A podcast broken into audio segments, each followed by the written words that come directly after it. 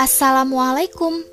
Dongeng Kala Ramadan Hari ini akan bercerita tentang kisah Nabi Idris. Nabi Idris adalah generasi keenam keturunan Nabi Adam. Ciri khas dari Nabi Idris sendiri yaitu memiliki wawasan yang sangat luas. Dalam kitab tafsirnya, Ibnu Kasir menuturkan bahwa kemampuan Nabi Idris sangat banyak. Mulai dari kemampuan berhitung atau matematika, kemudian kemampuan menulis, kemampuan jahit-menjahit, kemampuan berkuda, hingga kemampuan di bidang astronomi atau perbintangan. Dalam bidang matematika, Nabi Idris sudah mengenalkan konsep hitung berhitung, mulai dari penambahan, pengurangan, kali dan bagi. Kemudian dalam bidang tulis penulis, Nabi Idris sudah menulis dengan cara menggoreskan simbol, huruf atau angka menggunakan kayu atau batu di atas lumpur yang tipis dan mulai mengering. Setelah itu, lumpur akan dikeringkan semua ini ditujukan agar tulisan yang ditulis oleh Nabi Idris dapat diwariskan kepada generasi-generasi berikutnya. Kemudian, dalam bidang menjahit, Nabi Idris sangat mahir sekali untuk menjahit pakaiannya sendiri. Selanjutnya, dalam keterampilan berkuda. Hah, kuda pada zaman Nabi Idris merupakan hewan yang liar sekali. Jarang orang memelihara kuda namun, atas karunia Allah Subhanahu wa taala, Nabi Idris menjadi orang pertama yang mampu menjinakkan kuda liar dan menggunakannya sebagai kendaraan pertama. Dan di sinilah Nabi Idris menjadi orang pertama yang mampu menempuh perjalanan jauh dalam waktu yang relatif singkat. Kemudian dalam bidang astronomi atau perbintangan.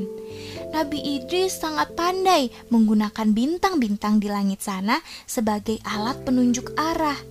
Beliau tidak hanya memakai bintang-bintang sebagai hiasan di langit, namun juga ia menyadari bahwa bintang-bintang di langit memiliki ciri khas tersendiri yang nanti bisa menjadikan patokan orang-orang di bumi wawasan luas dan keyakinan yang kuat terhadap suf Allah Subhanahu wa taala, Nabi Idris ditugaskan untuk mendakwahi suatu kaum. Di sini, Nabi Idris merupakan nabi pertama yang diminta Allah untuk mendakwahi suatu kaum. Pada saat itu, kondisi kaum yang tinggal yang hidup bersama Nabi Idris adalah kaum-kaum yang sudah lupa akan ajaran Nabi Adam banyak dari mereka yang mulai menyembah berhala. Kemudian mereka mencuri, berjudi, dan melakukan kerusakan-kerusakan lainnya. Dan di sinilah malaikat Jibril turun membawakan wahyu kepada Nabi Idris. Nabi Idris diminta untuk membawa kembali masyarakat atau kaum-kaum yang tinggal bersamanya kembali kepada ajaran Allah Subhanahu wa taala yang telah dibawakan oleh Nabi Adam.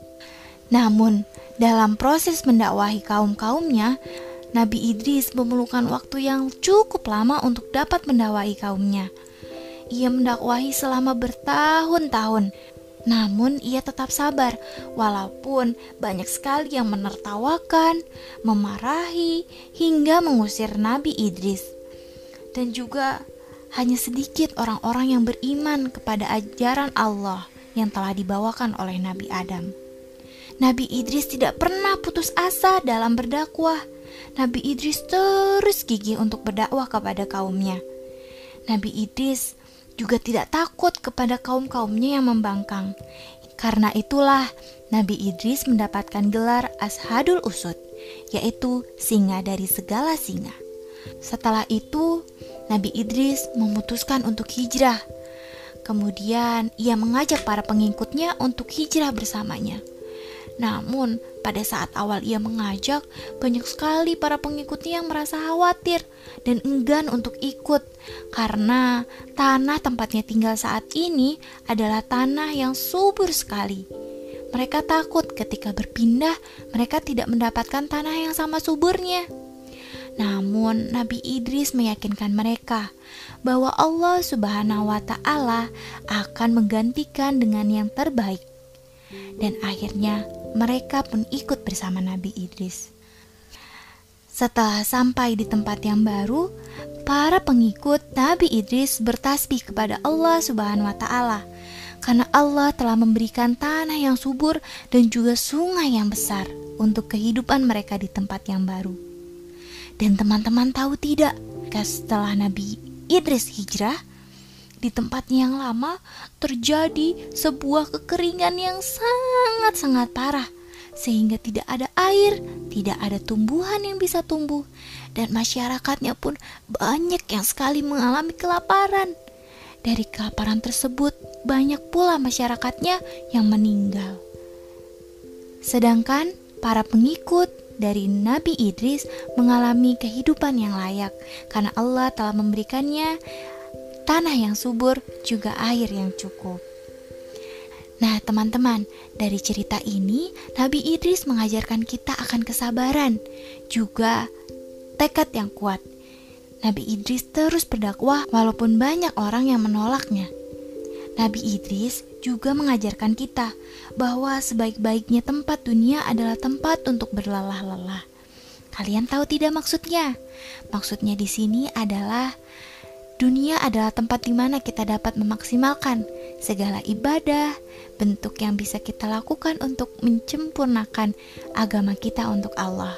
Dan nanti setelah berlelah-lelah di dunia, semoga Allah mengganjarkan segala kerja keras kita dan memberikan tempat kita istirahat di surga yang indah kelak. Selamat berpuasa. Assalamualaikum.